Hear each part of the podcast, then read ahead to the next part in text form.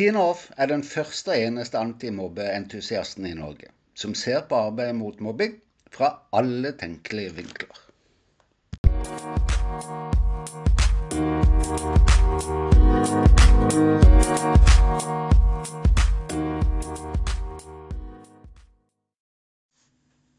Vet du, det er påske, folkens. Jeg kunne nå tatt en NRK-variant og sagt neste uke er det påske, så da tar vi pause. Men sånn gjør vi jo ikke her. Heller blir det full gass. Jeg bare tøyser. For heller kan det være en helt perfekt tid for å tenke noen lange tanker i et rolig tempo. Dagens tema passer nemlig godt til å bruke litt tid på, for det er noen kloke tanker som må tenkes nå. Vi har feila én gang, sett hvordan det rammer barn og unge på fryktelig invaderende vis. Hvilke kloke valg tar vi videre? Klart vi kan snakke om det. Velkommen til ukens episode. Du har kanskje sett på Instagram eller i, på Antimobbentusiasten på Fjasboga at jeg har tenkt litt grann eh, utenfor. Eh, men likevel så viktig for barn og unge, særlig de som opplever mobbing. Det er forslag om mobilforbud som jeg snakker høyt om.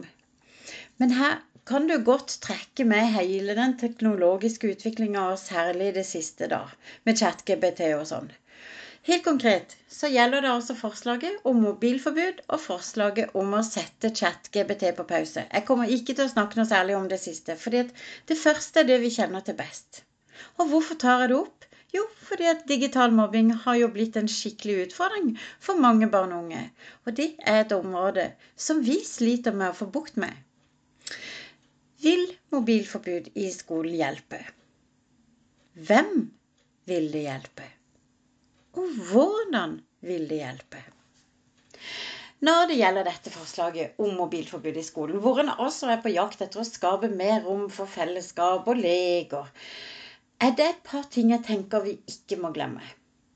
Et totalforbud i skolen vil i utgangspunktet Når man ser på forskning og sånn på organisasjoner, så avslører altså forskning at et forbud som kommer ovenifra og ned, trolig ikke vil løse det man ønsker å løse. Altså, for oss da i dette tilfellet så blir det at et forbud trolig ikke vil løse de sosiale utfordringene som vi har. Kanskje inkludert mobbing. Ikke bare det, men forbudet trenger ikke å føre til bedring heller, finner forskninga. Og det er jo jammen meg interessant. Når en da, hvis en da innfører et slikt tilbud, så vil det jo garantert bli etterfulgt i varierende grad. Fordi vi har altfor mange skoler. ikke sant? Så det blir store variasjoner. Som i seg sjøl er en utfordring. Men det er noe annet òg. For et forbud kan jo også stoppe utvikling. ikke sant? Utvikling kommer jo ofte fra regelbrytere. Så også i skolen, tenker jeg da. Sånn som vi har sett med koding, som i utgangspunktet hadde et helt annet stempel enn det vi har i dag. Men for argumentets skyld i det videre, så tenker jeg at vi må bare si at ja, ok, vi vurderer da hvorvidt det skal bli forbud eller ikke i skolen. Og hvis det skal bli et forbud, så må vi jo da Ok, da må vi jo se hjemover, da. Til oss i hjemmet. Hvordan har vi klart oss så langt? kan vi innrømme at den frie mobiloppdragelsen kanskje ikke helt har ført frem.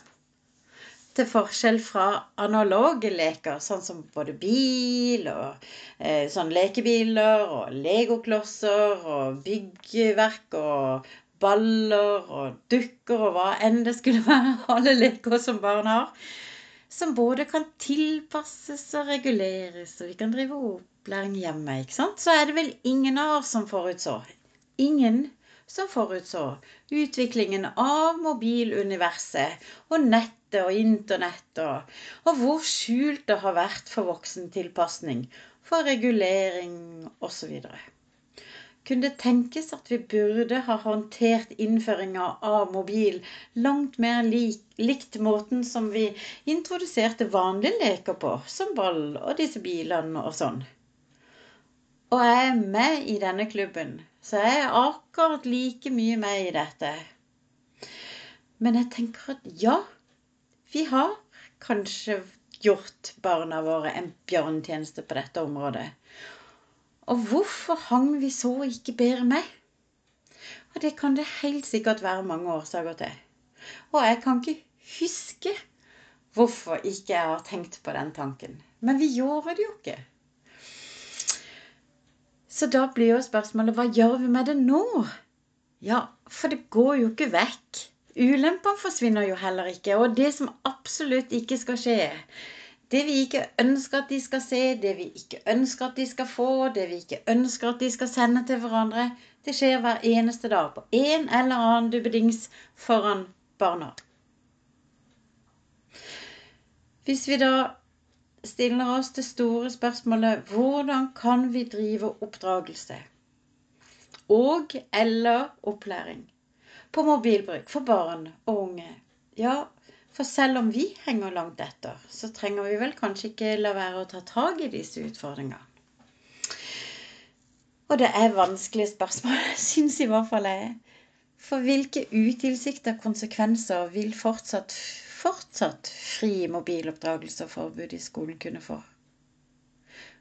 Og det leder meg til en litt annen utfordring, eller en litt annen vinkel og perspektiv. Fordi at selv om mobil blant barn og unge ikke skriver seg så mange år bak i tid, så nærmer vi oss, eller vi er over en hel generasjon. Og i hver generasjon så sier man at det er ca. 25 år. ikke sant? Og vi er over det nå etter å ha fronta da.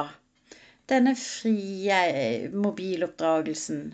Og denne eierlinja til barna, altså at mobilen er barnas private eiendom, og ingen skal blande seg om ikke det står om liv og helse. Så har vi sjøl satt oss i denne knipa, tenker jeg.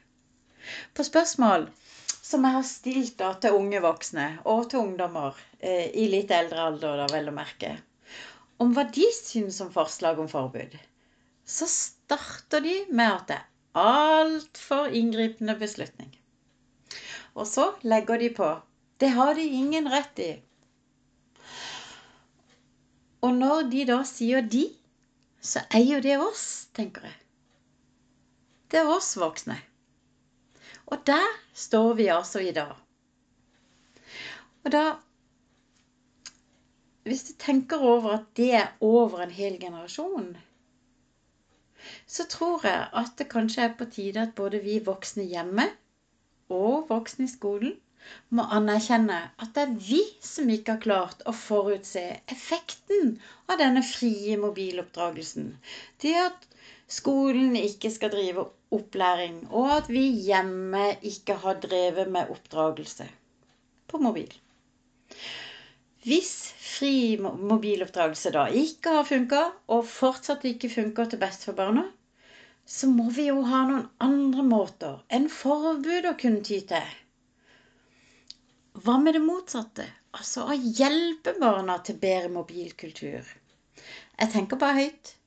Men hvis du også sier ja til bedre mobilkultur, hvordan går vi i gang med det? Og der der. Vil mobilfri skole være lurt å innføre hvis vi sier at de yngste lærerne vi har i dag, de har jo De er jo barna av denne mobilfrie oppdragelsen. Vil mobilfri skole være lurt å innføre for disse lærerne også? Er det ikke de som kan sette det i system? Som kjenner til langt mer enn du og jeg gjør.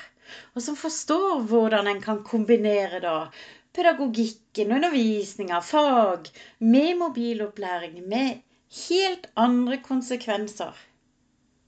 Kan det tenkes at vi gjør oss igjen en bjørnetjeneste om forbud innføres mot disse lærerne ved roret? Og vil disse lærernes digitale forståelse ha større sjanse til å forutse og møte utviklinga og konsekvenser av de nye tingene som kommer, som ChatGBT og de andre tingene som kommer etter hvert? Kanskje de forstår de bedre enn oss. Kanskje de kan møte de nye utfordringene bedre enn oss. Og kanskje er det Nei, jeg skal ikke påvirke det. Jeg foreslår, jeg spør, og du, og du reflekterer. Og så ønsker jeg deg en knallgod påske. Ha det, ha det.